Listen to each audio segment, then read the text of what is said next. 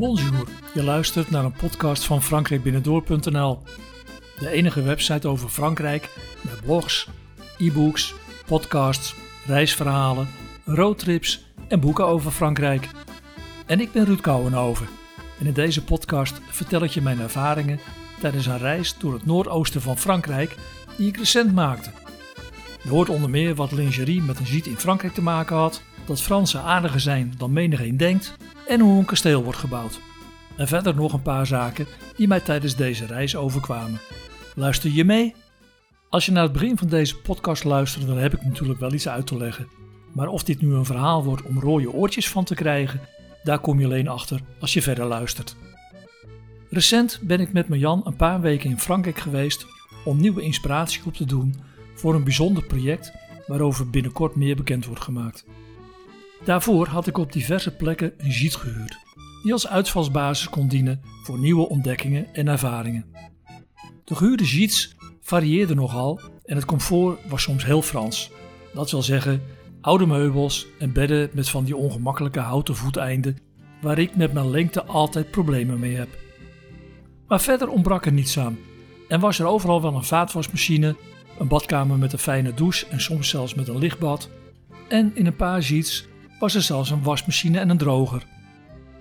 Die laatste kwam trouwens een keer goed van pas toen wij na een wandeling overvallen werden door een regenbui van hooguit vijf minuten, maar waarbij de sluizen helemaal geopend waren.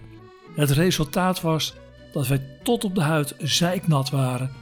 En dan is een droger in een ziet best wel prettig, kan ik je vertellen. Toen wij bij een ziet in het noordoosten van Frankrijk arriveerden, kregen wij van de eigenaar en zijn vrouw een rondleiding door het huis met allerlei tekst en uitleg over de diverse apparatuur die er aanwezig was. Er waren meerdere tv's en zeker geen kleintjes, en allerlei elektrische apparatuur en keukentoestellen, plus een wasmachine en een droger. Weliswaar waren het apparaten van vele jaren geleden, maar mijn ervaring is dat mechanische apparaten zonder tiptoetsen en weinig elektronica best wel lang kunnen meegaan. Het leek alles bij elkaar wel een complete witgoedzaak. Zo picobello was alles in orde. Na de rondleiding en een waarschuwing van de eigenaar dat er s'avonds wel eens wilde zwijnen of andere wild de tuin in kwamen scharrelen, was het verder een mooie en veilige plek. Maar bij binnenkomst was ons iets opgevallen. En Marjan maakte mij er weer op attent toen we onze spullen in de hal hadden gezet. Op een kastje lag een kalender. Op zich niks vreemds, maar met deze kalender was iets wat je niet zo snel in een Franse giet zou verwachten. Het was een grote lingeriekalender van het jaar 2022.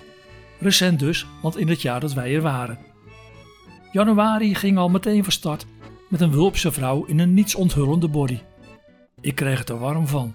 Gelukkig begon Marjan meteen te bladeren in de kalender, zodat ik niet de opmerking kon krijgen zoals van Hé, hey, dat is wat voor jou hè? Het ene plaatje was nog sexier dan het andere. Na alle vrouwen nadrukkelijk te hebben bestudeerd, keken we elkaar aan en zeiden beide praktisch tegelijk Hemeltje lief, waar zijn we nu weer beland? Nou, dat bleek de volgende dag al heel snel. We werden uitgenodigd voor een aperitief bij de eigenaren en aan het begin van de avond werden we door hun huis rondgeleid. Een fraai en vooral groot huis dat naast onze gehuurde ziet lag. Na de woonkamer, keuken en eetkamer gezien te hebben, werden wij uitgenodigd om de trap naar het souterrain af te dalen. Daar hing een enorme poster achter glas. Van een vrouw in een wel heel sexy setje. Wij keken elkaar op de trap opnieuw aan en hadden geen idee wat ons nog te wachten stond. En nieuwsgierig waren we natuurlijk wel, want wat waren ze met ons van plan in het souterrain? Nou, dat werd al snel duidelijk en bleek niets engs te zijn. Ze hadden gewoon een mooie complete ruimte onder met een bar, een biljartruimte, wijnkelder en zelfs een slaapkamer en een badkamer. En daarvan legden ze uit dat ze daar meestal in de zomermaanden sliepen als het boven te warm was. Ik begon me wel af te vragen wat deze twee mensen toch altijd met die lingeriefoto's en posters te maken hadden. En toen we boven het aperitief kregen ingeschonken, bleek al heel snel hoe de vork precies in de steel zat. Het echtpaar had een eigen zaak gehad, hij had zelfs een witgoed radio- en tv-zaak gehad en zij had een aantal lingeriewinkels gehad en had op markten in de regio gestaan met lingerie. En nu deed een van de kinderen de lingeriezaken. En de rest van de avond liep verder bijzonder gezellig. En de week daarna hebben wij er een topweek gehad. Toch kon ik mij in de hal van de Gite nooit even bedwingen om een blik op de kalender te werpen. Een week later kwamen we op een andere plek aan in het noordoosten van Frankrijk, in de Elzas om precies te zijn, en vlakbij het geweldige mooie dorpje Turkheim, waar trouwens elke avond om 10 uur een nachtwaker met bijzondere verhalen over het dorp een ronde maakt, zodat iedereen daarna gerust naar bed kan gaan. En ook bij deze ziet kregen wij de uitnodiging om later in de week een aperitief te komen nuttigen en nader met elkaar kennis te maken. Nou, en dat hebben we geweten. Precies op de afgesproken tijd belden we aan en werden super hartelijk ontvangen. Opnieuw kregen we een rondleiding door het huis van de eigenaren en lekker op zijn Frans was dat ingericht. En met gevoel voor humor vertelde hij: Kom mee naar mijn hobbykamer. We daalden de wijnkelder in, waar voornamelijk Bordeauxwijnen lagen. En daar viel een kistje mij op. Er zaten flessen in van het gerenommeerde Château Margaux uit de Gironde. En met veel stift was er een Franse tekst opgeschreven die ongeveer op het volgende neerkwam. Jacques, gefeliciteerd met je 65ste verjaardag. Geniet ervan, maar laat deze flessen liggen tot je 90 bent. Isabel EGP. Nou, hij moest dus die heerlijke flessen laten liggen tot zijn 90ste. En ik vroeg hem hoe oud hij toen was. Hij zei, nou, ik ben op dit moment 75, dus ik moet nog 15 jaartjes wachten. En eenmaal terug in de woonkamer viel mij en Marjan op dat er vier champagneglazen klaar stonden, maar dat er ook een tafel gedekt was met vier borden en bestek. Huh? We kwamen toch alleen voor een aperitief? Nou, ik zal je het hele verhaal besparen. Maar na ieder drie glazen cremant Alsace gedronken te hebben, daarna een eau de vie framboise de bois, twee glazen Pinot Gris en een flinke bel Armagnac uit 1948, plus een espresso, gingen we vier uur later terug naar onze sheet. Ik had echt moeite om het sleutelgat te vinden, maar was een fantastische ervaring rijker. Een topavond met mensen die wij nog geen 48 uur kenden. En wie durft er nu nog te zeggen dat Fransen niet aardig zijn? En weer een week later verbleven wij in het zuiden van de Champagne-streek in het departement Aube. En om precies te zijn, vlakbij het Forêt en Lac d'Orient. Daar kom ik nog wel eens een keer op terug met een aparte podcast, maar het is niet ver van Nederland en België en een topstreek als je van natuur, wandelen en fietsen houdt. De meren in deze streek vormen een buffer voor het waterniveau in de Seine, maar dat verhaal hoor je dus nog wel eens later. We hadden gewandeld bij een klein dorpje met één restaurant. Het was lunchtijd, dus het leek me een goed plan om die nuttig te besteden. Met een lunch. En als je mijn eerste boek hebt gelezen, bijvoorbeeld hoofdstuk 6 Lekker eten in Frankrijk, dan weet je misschien nog dat Marjan en ik een afspraak hebben dat ik altijd voor het avondeten zorg als we in Frankrijk zijn. Ik kook graag en Frankrijk inspireert mij ook meestal om s'avonds iets lekkers te maken dat bij de wijn naar de streek past. Maar ik heb ook wel eens geen zin om niet te koken en dan bedenk ik een list. Zo ook deze keer. Ik stelde dus voor om uitgebreid te lunchen en daarna onze wandeling voor te zetten. Het werd een drie gangen menu du jour. We hebben er ongeveer anderhalf uur over gedaan en toen ik wilde betalen was de rekening inclusief wijn en koffie iets van 42 euro. Ik wilde contactloos met mijn iPhone betalen en 3 euro voorgeven, want de bediening was super leuk geweest en het eten gewoon goed. Maar ik kreeg te horen dat dat niet kon. Huh? Waarom niet? Nou meneer, wij accepteren geen fooi via het apparaat. Oh, dat is jammer, want ik heb geen kleingeld om fooi te geven. Maar meneer, dat is toch helemaal niet erg? Wij vonden het heel leuk dat u bij ons geluncht heeft. Een fijne dag en nog een mooie wandeling verder.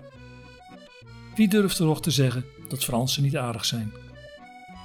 En omdat wij in het zuiden van de Champagne-streek zaten, was het na die week nog maar een kilometer of tachtig naar mijn geliefde wijndorp Chablis, waar we al sinds 1996 regelmatig komen. Onze zoon heeft er bijna tien jaar gewoond en bij een paar gerenommeerde wijnbedrijven gewerkt. Zijn stage volgde hij bij het prestigieuze Domaine Long des Paquis, waar hij alles leerde vanaf de wijngaard tot in het verkooplokaal. En daarna werkte hij een aantal jaren bij La Roche Wines, dat in zijn tijd nog een familiebedrijf was van Michel La Roche. Hij verzorgde er de wijnproeverijen en verkoop in de boutique en hij heeft een paar jaar lang de contacten onderhouden met afnemers in Noord-Europa. En daardoor hebben wij in de loop der jaren een bijzondere band met dit wijndorp opgebouwd. En als we er in de buurt zijn, verblijven we meestal een paar dagen. En deze keer hadden we gewoon zin om eens wat langer te blijven en bleven we dus anderhalve week om weer eens lekker op pad te gaan in de omgeving. Wij volgen al vele jaren een bijzonder project op ongeveer 70 kilometer van Chablis. Bij een dorpje met de wonderschone naam Trigny Perreuse Saint-Colombe wordt een compleet middeleeuws kasteel gebouwd. En dat is Guédelon. Na een archeologische ontdekking bij de wat verderop gelegen kastelen van Saint-Fargeau kwam het idee aan het rollen. De eigenaar van Saint-Fargeau kreeg in 1995 te horen dat er op het terrein van zijn kasteel resten waren gevonden van een middeleeuwse burcht. En men vond dat er eigenlijk iets mee gedaan moest worden, maar wat? En uiteindelijk kwam men op het lumineuze idee om een plek te zoeken in de omgeving waar alle materialen gevonden konden worden om vanaf de grond met middeleeuwse technieken een complete burcht te bouwen. Wat verder, dus bij Trigny Perreuse Saint-Colombe, vond men een bos met in de grond steen, ijzerhoudende aarde, water en voldoende hout. Het idee om een leerplaats te maken waar oude technieken gebruikt konden worden, was geboren. In 1996 begonnen de voorbereidingen en sindsdien wordt er een Guédelon gebouwd. Ik heb samen met Jan om de zoveel jaren het project bezocht en het is telkens weer fascinerend om te zien hoe ver het al gevorderd is. En alles wordt met de hand gemaakt. Men begon met ovens te bouwen om kalk en ijzer te kunnen maken en met het ijzer werden handgereedschappen gemaakt. Daar werden dan weer karren, machines en hijsapparaten meegemaakt. En vervolgens kwamen er steeds meer mensen werken en leren. En het is nu al meer dan 26 jaar een enorm opleidingsinstituut waar vakmensen worden opgeleid. Je kunt het bezoeken en dat kan ik je zeker aanraden. Het is leuk voor iedereen, dus voor jong en oud, groot en klein. En iedereen voelt er zich weer even ridder of edelvrouw. En als je er rondloopt, krijg je steeds meer respect voor alle oude en middeleeuwse gebouwen die je in Frankrijk nog steeds kunt zien. En na een bezoek aan Guédelon begrijp je precies wat men er vroeger voor heeft moeten doen om een huis, kerk of kasteel te bouwen. Je kunt de ambachtslieden die op het terrein werken altijd vragen stellen en ze nemen alle tijd om je te antwoorden, soms ook in het Engels. En ik zou je dus zeker aanraden om eens naar Guédelon te gaan. Lees bijvoorbeeld mijn blog maar eens op frankrijkbinnendoor.nl slash Guédelon. En Guédelon schrijf je G-U-E-D-E-L-O-N.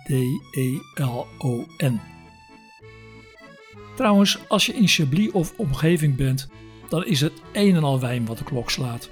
Je kunt er sowieso prachtige wandelingen in de wijngaarden maken, maar een bezoek aan Chablis is natuurlijk niet compleet zonder ergens geproefd te hebben.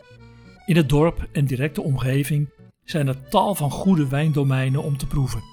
Wel moet je er rekening mee houden dat je hier praktisch geen goede Chablis meer koopt onder de 10 euro. Een beetje kwalitatief goede Chablis gaat al gauw richting de 20 euro per fles tegenwoordig. Maar als je ergens gaat proeven en wat flessen aanschaft, koop je ook een stukje beleving mee. Natuurlijk kun je bij de grote boutiques en proeflokalen in het dorp terecht, maar het is veel leuker om zelf bij een wijnboer te gaan proeven en de kelders te bezoeken.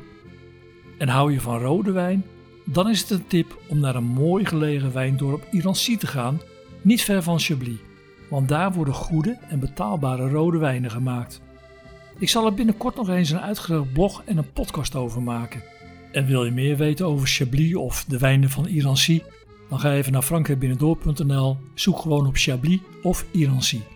In elk geval hoop ik je met deze podcast weer wat nieuwe inspiratie te hebben gegeven om weer eens een keer naar Frankrijk te gaan.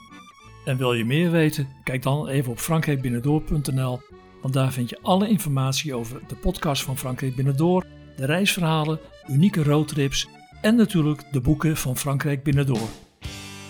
Oh ja, vond je deze podcast leuk? Abonneer je dan bij Apple Podcasts, Spotify, Stitcher of Google Podcasts op Frankrijk Binnendoor.